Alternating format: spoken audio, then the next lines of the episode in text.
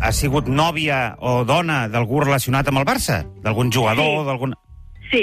D'algun jugador? No. D'algun entrenador? No. D'algun directiu? Sí. Anda la leche. Ah, hòstia. Perdó. Però no sabia que eres filòloga. Si, si, sé, si crec que vaig bé, no sabia que eres filòloga. Has, has, eh, has sigut amiga de Joan Laporta? Sí. Una cosa, eh, estic parlant amb Maria la Piedra? Sí. Verge Santíssima de. Bueno, Maria, no sabia que eres filòloga. No en tenia ni idea. Pues sí, filologia catalana a Lleida, vaig fer. A Lleida. Maria La Piedra, bon dia i bona hora i moltes gràcies per jugar amb el suplement. Bon dia. El suplement. Ràdio amb esperit de cap de setmana. Amb Roger Escapa. Passen 6 minuts de les 11 del matí, som al suplement, som a Catalunya Ràdio, això que sona és un extracte del que va donar de sí al cap de mm, setmana passat l'últim capítol del Comunista. Obrim ara un nou espai. El comunista.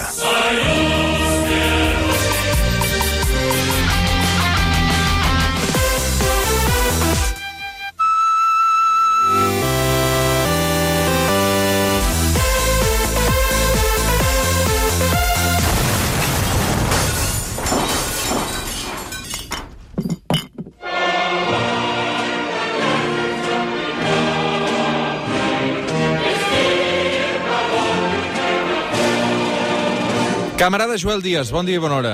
Camarada Roger, eh, bon dia. Què tal, Joel? I has acabat de parlar de Nacho Vidal? Sí, sí, sí. Mira, Molt bé, eh? Nacho Vidal i ara tu. Quin nivell, eh? Sí, sí, a nivell. I gripaus, també. No t'ha agradat? Això de, de xupar mm. gripaus i llapar-los eh, no ho practiquis a casa, eh? Sí, sí, no, jo, jo no entro en la línia editorial del teu programa, Roger. Més val. Eh? Més val. Més val. Perquè som rojos, rojos, eh? Sí, molt, molt. Quan t'interessa. Ah, ara. Ara ho has dit. Sí. T'agrada la tardor? I tant, i tant que m'agrada la tardor. M'agrada la tardor, entre altres coses, perquè significa la fi d'aquest període de, de, de, de massa eufòria i massa entusiasme que representa l'estiu, i també perquè és temps de revolucions. Es parla molt de la primavera, però, coi, la tardor, l'any 1917, per aquestes mateixes dates, faltaven molts pocs dies perquè Trotsky fos nomenat president del Soviet de Petrograd. Estava a punt de combinar-se la revolució bolxevic, que pobre rus s'havia revoltat contra l'opressió tsarista, i fixa't tu que 100 anys després, de 1917 al 2017, aquí a Catalunya, també vam fer una mica de revolució, Pensava- Roger. Sí, no sé si va acabar igual, perquè pensava parlar de la revolució d'octubre de Catalunya de fa 3 anys, però no. Sí, sí, bueno, dels somriures, no? Era dels somriures? Sí, sí. Jo no sé per què se li deia els somriures. Potser perquè molts dels eh, polítics processats després van anar a judici i se'n van enriure. Mm. Potser és per això, no sé. La tardor és maca quan tens parella, Joel. La, la, bueno, la, la tardor és maca amb parella o sense. Sí que és veritat que arriba el fred i, per tant, la possibilitat de fer allò de la... La llar de foc. La llar de foc i la cotxerita, que és, Ep. una cosa que, que és una cosa que està molt bé. Cullereta, no?, en català es deu dir. La, la cullereta... Sí, sí. sí. Vale, la cullereta, va. Sí. No, no ho sé, no, Sí. uh, sisplau. T'agrada fer la cullereta, tu? Arroba el suplement, sisplau, si, si, si, si, jo crec que la gent ha entès, eh? El, Sí, home, la cullereta és... és, allò de... És posar, és posar allò contra allò altre, no? Encaixar-se, encaixar-se, Encaixar com aquell- si fossis peces del Tetris. Sí, sí. M'agrada, m'agrada molt. Eh? A mi també. Pas que més, com que jo sóc tan gros i tan alt, no? Uh, Jo també. És sempre... Quedo com... És embolcallo bé, saps? Tu, eh, clar, hem d'anar- hem darrere, saps? sempre, hem Sí, home, darrere. home. Hem d'anar darrere. Home, és que I a si no, més que si anant et poses darrere, davant, doncs, sempre... si et poses a davant segons com... Bé, eh, és més divertit anar darrere, deixem-ho així. Clar, davant. Sí, clar. T'hi has posat mai a davant, tu? Alguna vegada. Què dius ara? vegada. Sí, sí, sí, no li faig ascos a posar-me davant, no? Uh -huh. O sigui, tu ets de carn i de peix. Eh, jo sóc omnívor, com tots els éssers humans eh, ben educats. Uh -huh. Les consultes del consultori. La primera pregunta avui ens la fa arribar l'Enric Colpena des de Ai. Sant Bartomeu del Grau, diu així. Antolín Lunacharski, comissari Sí, d'instrucció pública de Lenin, estava obsessionat amb l'aniquilació de la religió. Va destruir crac, esglésies i en va confiscar els béns, entre d'altres accions. La més coneguda a principis del 1918 va ser el judici de l'estat soviètic contra Déu. Estic intentant posar veu d'en guàrdia perquè... Ho estàs fent molt bé. Suposo que és el cosí de l'Enric eh, Calpena, no? Perquè ens ha escrit Eh, l'Enric Colpena. Eh, no S'acusava el totpoderós de cometre crims eh, contra la humanitat i genocidi. Es va celebrar un judici contra Déu, 5 hores de durada, presidit per el mateix Lunacharsky. Els fiscals van... Lunacharsky. Lunacharsky, eh? Lunacharsky. Els fiscals van enumerar un per un llistat eh, de crims que s'atribuïen a Déu. A l'altra banda, dos advocats defensors designats per l'Estat demanaven l'absolució de Déu per la seva condició de dement, deien. Sí. Després de 5 hores de judici farsa, apunta l'Enric, Déu va ser declarat culpable de tots els crims que se li atribuïen i condemnat a la mort. L'endemà, a Trenc d'Alba, un escamot de fusellament va disparar diverses vegades contra el cel amb Sí. la idea de matar Déu. Molt bonic, no? Molt... No sé, jo ho trobo bonic. més enllà de demostrar que els judicis farsa venen de lluny i que els soviètics també tenien sentit de l'humor, la meva pregunta és què creus que deu pensar Déu de nosaltres, els comunistes, malgrat el petit incident amb Anatolin Lunacharsky? Després d'allò, pot ser que els soviètics seguissin celebrant el Nadal com si res? I firma l'Enric Colpena. Enric Colpena, eh? Estimat eh, Tovarich, Enric, eh, deixa'm recordar-te en primer lloc que Lunacharsky era un home de les arts, especialment de la dramatúrgia, a la qual s'hi va dedicar sempre al servei del proselitisme i la propaganda revolucionària, i és així com s'ha d'entendre aquell judici que tantes vegades s'ha fet servir per ridiculitzar la, la revolució socialista. S'ha d'entendre com un acte simbòlic de propaganda i de catarsi col·lectiva. Jo estic segur que Déu, el Déu de veritat, es va fer un far de riure amb la performance impulsada per Lunacharsky perquè Déu s'enfada per altres coses, Enric, com per exemple, jo que sé, la desigualtat i la injustícia social.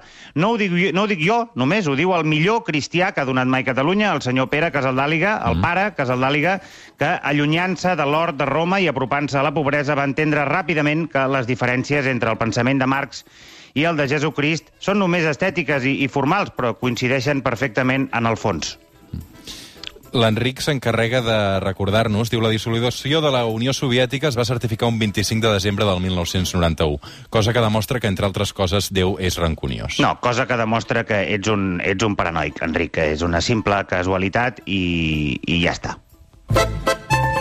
Més consultes que ens han arribat aquesta setmana. Firma la consulta el senyor Genís del Mono, des Oh, de quin nom més curiós. Badalona. Ens diu, com estàs, maco? Abans de res, m'agradaria felicitar-te per aquest espai que fas. Gràcies. Bla, bla, bla. Em fa molta il·lusió, molta Sempre et saltes la part on, on m'elogien i... em fa, no sé eh, per em fa companyia, sobretot ara que venen dies de fred i de foscor, la Sí. sí. major part dels quals me'ls passo a casa, sol com un mussol, calçotets, mitjons i una samarreta del Barça de la temporada 97-98 d'imitació. Com et pots imaginar, t'escric, com tants i tants d'altres camarades d'aquest país, que intentem portar una vida ajustada als preceptes comunistes. Ànims. Pensant en el bé comú i defugint tant com sigui possible de les urpes del capitalisme. Però això no sempre és possible, en part perquè tinc una debilitat, anar de rebaixes. No cal que m'ho diguis Ja. tu, ja m'ho dic jo mateix, sóc patètic, Sí. en contra del que la meva consciència, eh, quan comencen les rebaixes, em falta temps per sortir al carrer a la cerca i captura de les millors gangues. Compro més del que necessito i sovint d'una manera compulsiva. Ai. El meu jo comunista se sent brut i humiliat per caure de quatre grapes any rere any en un dels esquers més bàsics del sistema capitalista com són les rebaixes. Sí. Exposat el meu problema, la meva pregunta és comprar durant les rebaixes o fins i tot a les segones rebaixes és més comunista que fer-ho fora de les rebaixes pel fet de generar menys beneficis a l'explotador capitalista? Quina turra, eh? Quina turra, l'amic, eh, com es deia aquest, Genís? Genís del mono. Mira, Genís, t'explicaré les rebaixes molt ràpidament. Vale? Imagina't que hi ha un gran menjador amb una taula molt alta. És una taula molt alta, molt alta, servida amb copioses i variades i apetitoses viandes, a la qual només poden accedir-hi, òbviament, a menjar uns senyors molt alts, no? Mentrestant, a sota de la taula hi ha uns senyors molt baixets i morts de gana que intenten accedir sense èxit al menjar fent uns saltets patètics i no, no aconsegueixen agafar res. Doncs ara imagina't que quan els senyors alts ja s'han afartat, quan les viandes ja estan fredes o inclús podrides i toquetejades pels senyors alts i ja fan pudor, aleshores el propietari de la taula agafa totes aquestes viandes i les llença a terra de mala manera perquè els senyors baixets, que esperaven famèlics, es barallin penosament per menjar-se les sobres que han deixat els senyors alts, i a sobre pagant. Mm. Doncs això, camarada Genís, serien una mica les rebaixes. Doncs hi torna, eh, el camarada Genís, perquè diu, per cert, dins de l'univers de les rebaixes n'hi ha unes en concret que trobo especialment perverses i anticomunistes. No vull Aviam. citar l'empresa directament, només diré que té un eslògan que diu «Jo no soy tonto». Sí, i surt un senyor tonto dient-ho, que és, té una cara de tonto terrible. Un dels principals reclams d'aquest establiment són les rebaixes anomenades, diu el Genís, dia sense IVA, en què Sí. tots els productes estan rebaixats un 21%. Més enllà de la rebaixa econòmica, no trobes insultant que el ganxo per atraure compradors sigui que no pagaràs IVA? Això vol dir que no pagaràs impostos, això vol dir que no aportaràs diners a l'Estat perquè després el redistribueixi adequadament a través de les polítiques socials. Sí, sí. No estem estigmatitzant un cop més el pagament d'impostos? Eh, diu, Ja. I proposa fins i tot que l'eslògan canvi i digui «Jo sí soy tonto». Es fa unes palles eh, mentals tremendes, eh, aquest amic, el, el Genís del Mono. Genís del Mono. Aviam, uh, això t'ho explicaré amb una, una experiència personal, a veure si l'entens. Fa 20 anys jo treballava en un McDonald's, el McDonald's de Portal de l'Àngel. Tots els grans líders comunistes tenim un trauma iniciàtic amb el capitalisme, aquest clarament va ser el meu. Recordo que veníem amanides al McDonald's i recordo que quan les amanides caducaven, el gerent del McDonald's m'encarregava a mi personalment anar a la nevera de les amanides i canviar les etiquetes amb la data de caducitat per unes de noves amb la data del dia en qüestió. Llavors les treiem a l'aparador amb un cartell molt gran que deia «Hoy día especial de la ensalada, compra una i llévate dos, viva les ensalades». I la gent feia cua amb gran joia i il·lusió pensant que estaven aprofitant una ganga i no pagant per amanides caducades. Genís, espero que, que, que aquest, uh, aquesta experiència que va tenir el Joel t'ajudi. Espero que sí, perquè, al final perquè fa una és, última... dur, és dur explicar això, sí, eh? al final fa una última aportació, ja t'aviso que aquesta és breu, que diu el Genís del Mono sí, l'últim dia sense IVA em vaig comprar una tele gegant LED de 75 polzades, molt comunista. 75 polzades, en fi, vull dir, no hi ha res més a dir, no? 75 polzades, Mhm. en fi. Que- Quan fa la teva tele? Tu imagina't que estàs veient, jo que sé, la, la, la, el fax Sí. i ha la raola, en aquell moment, un primer plano de la raola a 75 polzades, Roger. Clar, no, no, és que Quin susto. és un gegant, no? Eh. Una geganta a casa. Sí, sí. La, la raola podria tenir una geganta a la festa major. La Núria Feliu ja la té, no? Per, per això, no La sé. següent consulta, tercera, diu, eh, des de Madrid, en aquest cas, la firma un senyor que es diu... Una senyora, perdó, Juliana... Uh, Juliana Enric. Uh, ah. Una de les teories que més em fascina del comunisme, diu la Juliana, és la de la creació del nou home soviètic, que m'imagino també devia incloure la dona soviètica, però no ens aturem aquí. La idea era fomentar noves generacions de soviètics molt ben preparats a nivell intel·lectual i físic, amb fortes conviccions socialistes i altruistes. Mm -hmm. Fins i tot Trotsky uh, va desenvolupar una teoria de la selecció artificial en oposició a la selecció natural de Darwin, a partir de la qual assegurava que un home de nivell mitjà es podia convertir en Marx, en Goethe o en Aristòtil. És, És evident que correcte. Trotsky no havia topat mai amb un concursant de Mujeres i Hombres i viceversa o amb Javier Cárdenas, apunta la Juliana. Sí. Sigui com sigui, en cas que la Unió Soviètica s'haguessin arribat a formar generacions de superhomes i superdones, creus que en aquella societat utòpica gairebé Mm. perfecta els superhomes i les superdones haurien hagut de recollir els excrements del seu gos Oh. amb la mà i dipositar-los en una bosseta en cas que es caguessin a les seves supervoreres soviètiques? Ja, ja. Aviam, uh, camarada Juliana, Enric, ja sé per on vas, ja sé per on vas i deixa'm agafar la teva pregunta, però a mi m'interessa perquè convindrem que la teva pregunta és bastant lamentable.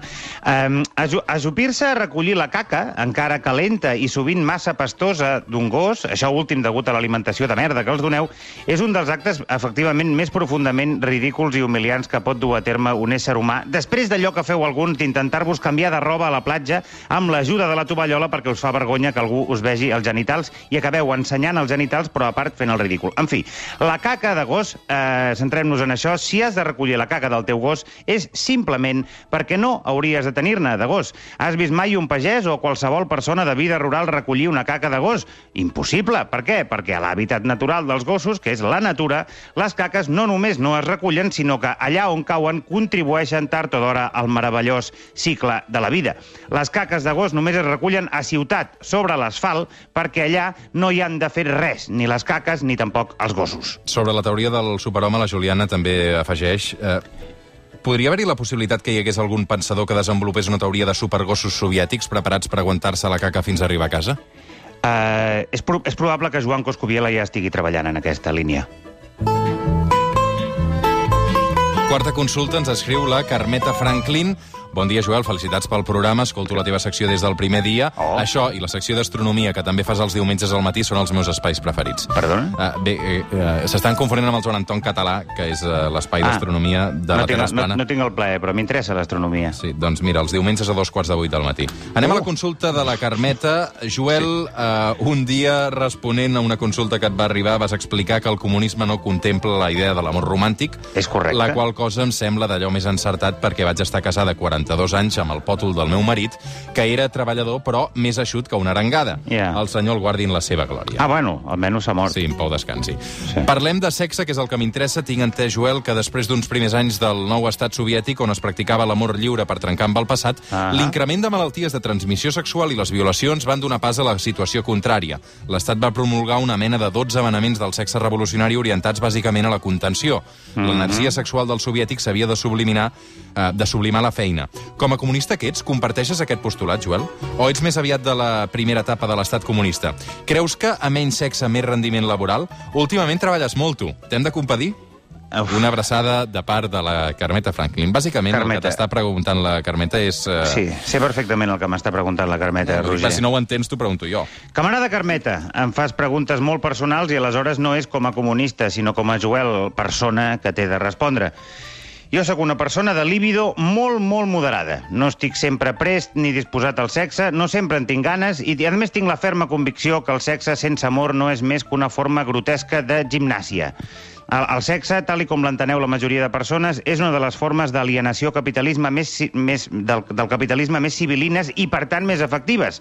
Aquesta obsessió pel ficatreu, ficatreu, aquesta idea absurda d'intentar omplir la vostra buidor existencial a base de comportar-vos com animals, us distreu del verdader objectiu del que hauria de ser la vostra vida, que és omplir aquest buit existencial a base de coneixement i consciència social, eh? i no deixant que la vostra vida segueixi el dictat arbitrari i inútil de les hormones, distraient-vos d'empreses molt més importants com, per exemple, jo que sé, la lluita col·lectiva contra l'opressió capitalista. A veure, Joel, total, que no... Gaire Bueno. sovint no d'allò. Sí, però no, però no, per, però no perquè no pugui, eh? No, bé, no et ve de estic- gust, no? perquè Vas estic- així de sobrat, no? no... Vaig, vaig així no de de sobrat gust. i, bueno, sóc una persona, doncs, doncs, eh, doncs evolutivament potser una mica més avançada que vosaltres. Que tot el dia... Esteu pensant en follar. Última consulta, la cinquena. Avui eh, ens l'han fet arribar a través del correu electrònic al Mario. Mm -hmm. Benvolgut... Com ho he de pronunciar, això, Joel? uh, no ho sé, com vols que jo ho sàpiga? Benvolgut Soudru, camarada en txec. Eh, Sí, Sodra, Sodra, Sodra. Sodra, Sodra. Soc un gran admirador del programa, visc a Anglaterra des de fa un bon grapat d'anys. La Vaja. meva companya és txeca, una part del meu cercle d'amistats són del centre d'Europa o estats bàltics. El problema ve quan, havent pres unes pintes de més, surt el tema de la política. Uah. Evidentment, com a bon marxista, quan parlem sobre problemes socials, sempre advoco per una solució enfocada en la defensa del proletariat. Com no podia ser d'una altra manera? En la qual cosa aquest concret grup d'amics es tanquen en banda dient que el comunisme va destruir el seu país. Normal, també. Com puc estripar la, la, la vena de l'adoctrinament de la troika dels seus ulls? Bueno. Explicar que marxisme i estalinisme no són el mateix no els hi entra per les orelles. Ja. Uh, salut, salut, uh, camarada Mario. No sé si coneixes el terme mansplaining. És, és el que fan servir els homes eh, quan es posen per defecte, diguéssim, i sempre equivocadament, a explicar a una dona coses que ella, òbviament, ja sap. Doncs bé, tu estàs fent el mateix, però aplicat al comunisme. Estàs fent comunisplaining a persones que han viscut i patit, com tu dius, la perversió de les idees marxistes que va suposar l'estalinisme. Aleshores, l'únic que pots fer quan aquestes persones callin, que tenen més experiència que tu, que ho han viscut, és callar. Callar i aprendre sobretot de l'enorme diferència que hi ha entre l'exaltació teòrica dels ideals socialistes i la dificultat i problemes, gairebé tots provocats per l'amenaça del capitalisme exterior, que té la posada en pràctica d'aquestes idees, ja sigui per lo civil o, em sap greu, però a vegades no hi ha més remei, també per lo criminal. Ai, Que tenim un convidat que que espera. fa uns minuts que espera. Vaja. Fins aquí les consultes. A l'altra banda del telèfon, una persona molt coneguda. És fàcil? Defensa o no defensa aquests postulats comunistes que cada setmana adoctrina Joel Díaz en aquest espai. Aquesta persona ja t'escolta, fa estona de fet, només pot respondre preguntes de sí i no. Jo diria que és fàcil avui, Joel, va. Vinga. Bon dia i disculpa per l'espera, no diguis res. Um, defenses o has defensat alguna vegada els postulats del, del marxisme? No. Ets un home. Tens entre 40 i 60 anys? Sí. Tens entre 50 i 60 anys? Sí. Consideres un liberal? Sí. Ets, ets eh, nascut a Catalunya? Sí. T'agradaria que Catalunya fos un nou estat independent d'Europa en forma de república? No. Ho està fent molt bé el nostre convidat misteriós, ho està fent molt bé. Li agraeixo I jo, moltíssim i, jo, que... I jo també, no? Sí, però jo vaig a favor del convidat, sempre. Ah, vale, vale. Uh, Som-hi. Uh, ets una persona prou coneguda com perquè en un moment donat, anant pel carrer, algú et pari o et reconegui? Sí. Surts per la tele habitualment? Sí. Surts cada setmana per la tele? No. Ets un tertulià? No. Et dediques a l'àmbit de la política professionalment? Sí. Ets militant d'algun partit? Sí. Ets representant en alguna cambra d'algun d'aquests eh, partits? No. Ho has estat alguna vegada? Sí. Mm, Jo crec que avui se li reconeix la veu, eh? Roba el suplement si teniu idea de, de qui pot ser el nostre convidat misteriós avui del comunista. eh, dius que, perdona, que aquí crec que m'he perdut, ets militant d'un partit polític? Sí. Ets militant del Partit Socialista Obrero Espanyol o de la seva sucursal catalana, el PSC? No. No. No. Ets No, militant- ha, ha, dit- ha dit no com, com un, un no. Com, no, no, no, com, com no em dient, vulguis per mal. favor. Eh, deu ser del Partit Popular. Sí. Ets del Partit Popular. Joel, jo crec que avui ho tens fàcil I i, ja, no- ho- jo fins i tot diria que ja ho saps, Joel. I, I no ets diputat? No. No ets diputat. Ni regidor de cap ajuntament?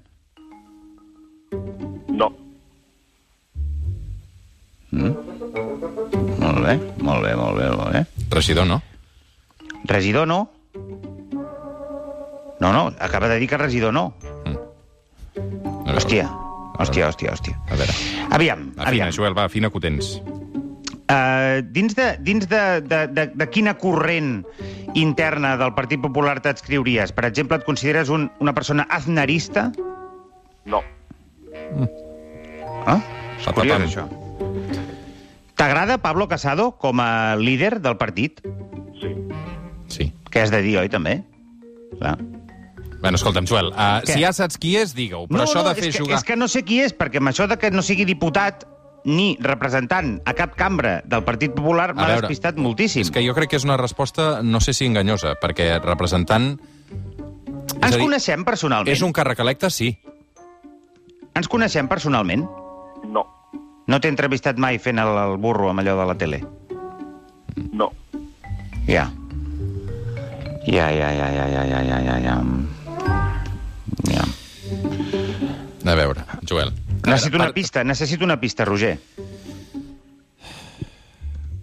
Medeix més de metro vuitanta. Home, tio. eh, vas vas presentar-te una vegada a les eleccions de, del, de la teva ciutat per ser alcalde amb un lema que apel·lava a la neteja d'aquella ciutat? No. Segur que no, eh? No. Bé, això em sorprèn també, aquesta resposta. Ara ho intentarem aclarir. A veure, Joel, Em, digues el nom que eh, tens al cap. No, digues... no, és que el nom que tinc al cap, crec que si és aquest, no recorda que sí que ens coneixem.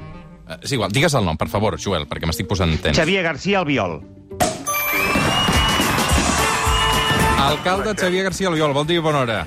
Ja, sí que Escolti. ens coneixem, però no Ah. m'has entrevistat. Ah, I tant que sí, et vaig entrevistar a través d'una reixa metàl·lica el dia d'aquella manifestació organitzada per Societat Civil Catalana. Hòstia, és veritat, sí, sí. Ah, amigo, Ah. amigo. És l'únic cop que m'has entrevistat, és cert. És cert. Allà, allà on estàvem a, a, al costat de l'escenari. Sí, i escolta'm, allò de Limpiemos Badalona també és cert. Allò, allò no, allò, allò va ser un, eh, una campanya eh, concreta, no va ser l'eslògan de, de Ah, campanya electoral, vale. molt menys. I a què et referies? A un, a un, pur, a un pur tema de, de, diguéssim, de neteja de, de, la, de la, diguéssim, del terra, del, del mobiliari urbà, o era un concepte més ampli? Era un concepte més ampli, mm. -hmm. eh, però que no feia referència ni molt menys a una campanya electoral. Va ser, una eh, o va ser un lema d'una campanya, però no va ser electoral. Limpiando No Badalona. Sí, limpiando delinqüència, delinqüència, incivisme i, Tot una mica. i problemes, tot una mica. Una mica com el KH7, no? Eh, bueno, un li Sí. pot donar la interpretació que consideri. Que... Podríem dir un polític KH7? No, no, jo crec que un polític que té una visió molt clara del que necessita la seva ciutat. Déu-n'hi-do la plantofada, Joel, que li ha fumut a José María Aznar, eh? Sí, i m'ha sorprès molt. M'ha sorprès molt. No sé si s'hagués atrevit a dir-ho això fa, no sé, 15 anys.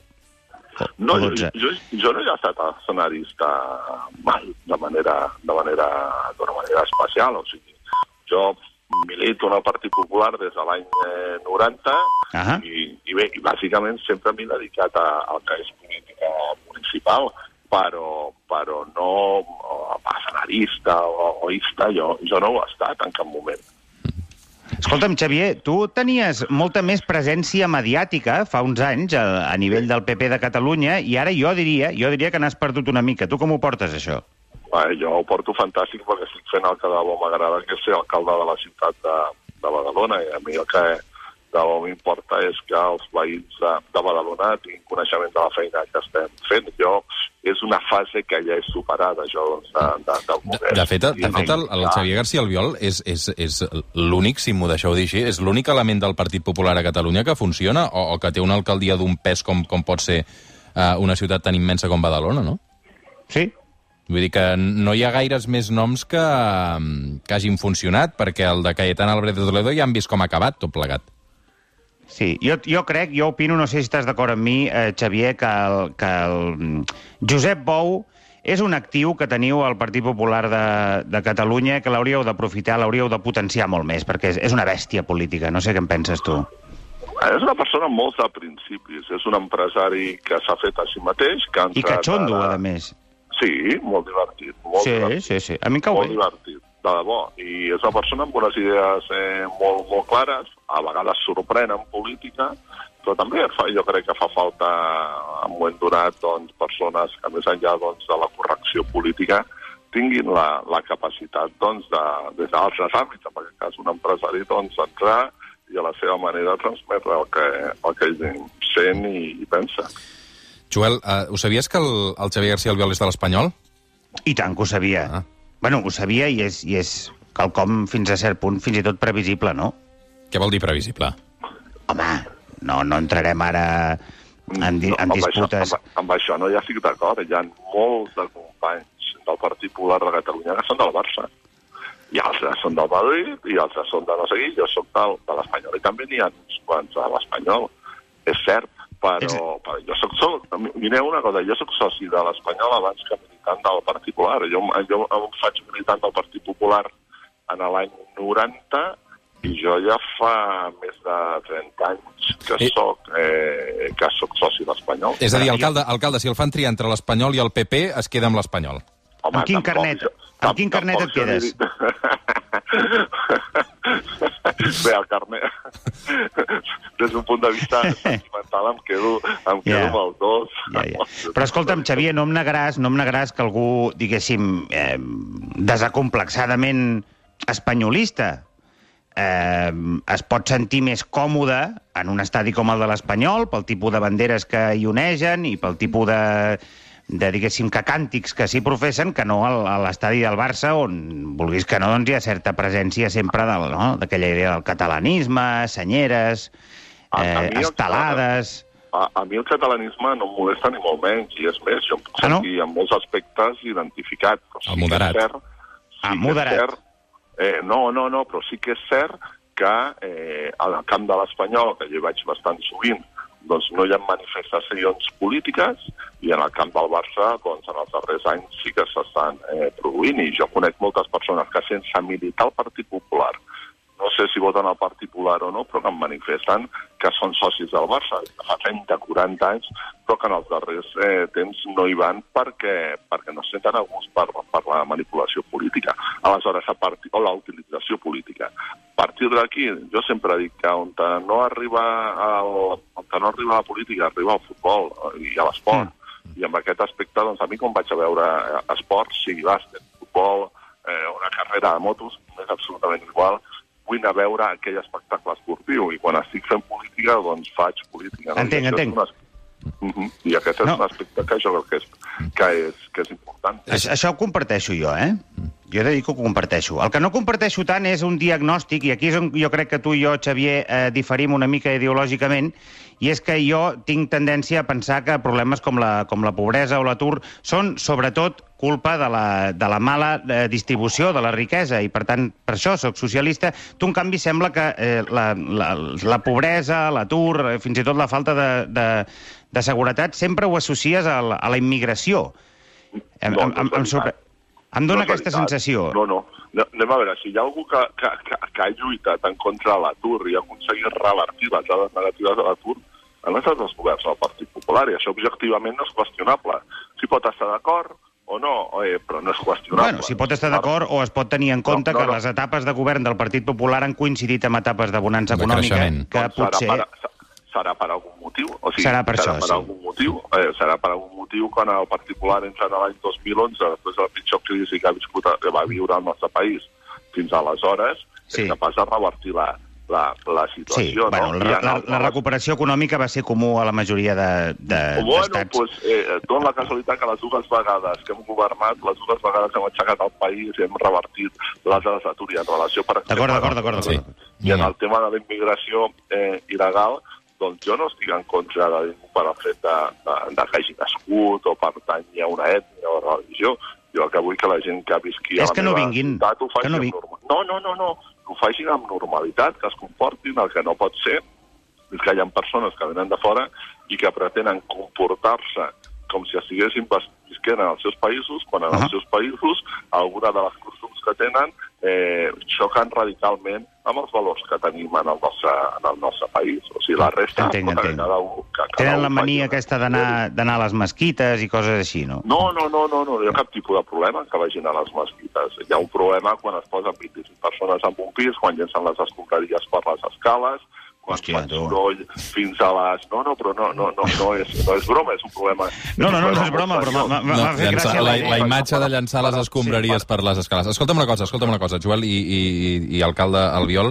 Uh, jo us agraeixo moltíssim avui que hagueu volgut uh, jugar amb aquest suplement, amb aquest comunista, amb una persona com és el Xavier García Albiol, que uh, és evident que de comunista no en té res, um, però també li vull agrair que, que hagi volgut participar d'aquest programa avui. Um, I deixa'm felicitar-lo també per l'estat de forma de la penya, que ahir va tornar a guanyar 2 a 0 aquesta Sí? temporada, i, i això que el, el Xavier García Albiol havia jugat molts anys a bàsquet, crec, um, que és una cosa que tenim en comú uh, i, i, i serà una gran temporada pel, pel joventut de Bueno, Badalona. s'ha s'ha de felicitar la penya i també a Grífols, que és qui està posant la els diners pasta, aquí. la pasta, sí, sí. També, també, també. Que han pogut fitxar el Tomic, també. sí, sí. Totalment d'acord. Totalment d'acord. Ahir, per, eh, jo ahir vaig estar a... Vamos, estic a, a Sevilla, vaig estar reunit amb el president de la Junta d'Andalucía, que em va rebre, el Juanma Moreno, i al vespre, quan sortia de sopar, em vaig trobar amb l'equip de la penya, que, que arribava bueno, a l'hotel, i, i bé, estaven molt contents els jugadors i esperançats en que aquesta serà una gran temporada, cosa Mm. que m'alegra. Alcalde, uh, moltíssimes gràcies, molta sort. Gràcies. Adéu, Xavier. I A gràcies reveure. també a Joel Díaz, podeu recuperar aquesta conversa si l'heu Sí. enganxat tard. Uh, Se m'ha fet curt, eh, Roger? Arroba el suplement. Sí, company, però és que cada dia dura més la secció. Vull dir, Ja, que, doncs, escolta, és que necessitaràs una hora sencera al final. És Vull que me dir, la mereixo, és que crec que me la mereixo. No te la mereixes, encara Vale. te l'has de guanyar perquè després... Ah, mira, eh, tenim alguns comentaris a la xarxa que em diuen que això de la posició aquesta de, de la cotxerita que deies tu, la cullereta, eh, cadireta també en català es pot dir. Cadireta. Alguns comentaris Bé. apuntaven en aquesta direcció. El nom és el de menys. Fa dia de cadireta avui. Sí? Sí. Cadireta Fa dia i... de- Eh, I triquitri, i triquitri. No, però amb moderació, eh? Que, hòstia, Joel, que... Sí, sí, no, sí, vull dir només que el, el sexe eh, no, sempre no vull que et cansis, eh? Sí, no et Vull preocupis. que no... Saps? Sí. No facis moviments estranys. Vinga, deixem-ho estar aquí, no? Fem una pausa i ara tornem. Gràcies, Joel. Adéu, gràcies a tu. El suplement, amb Roger Escapa.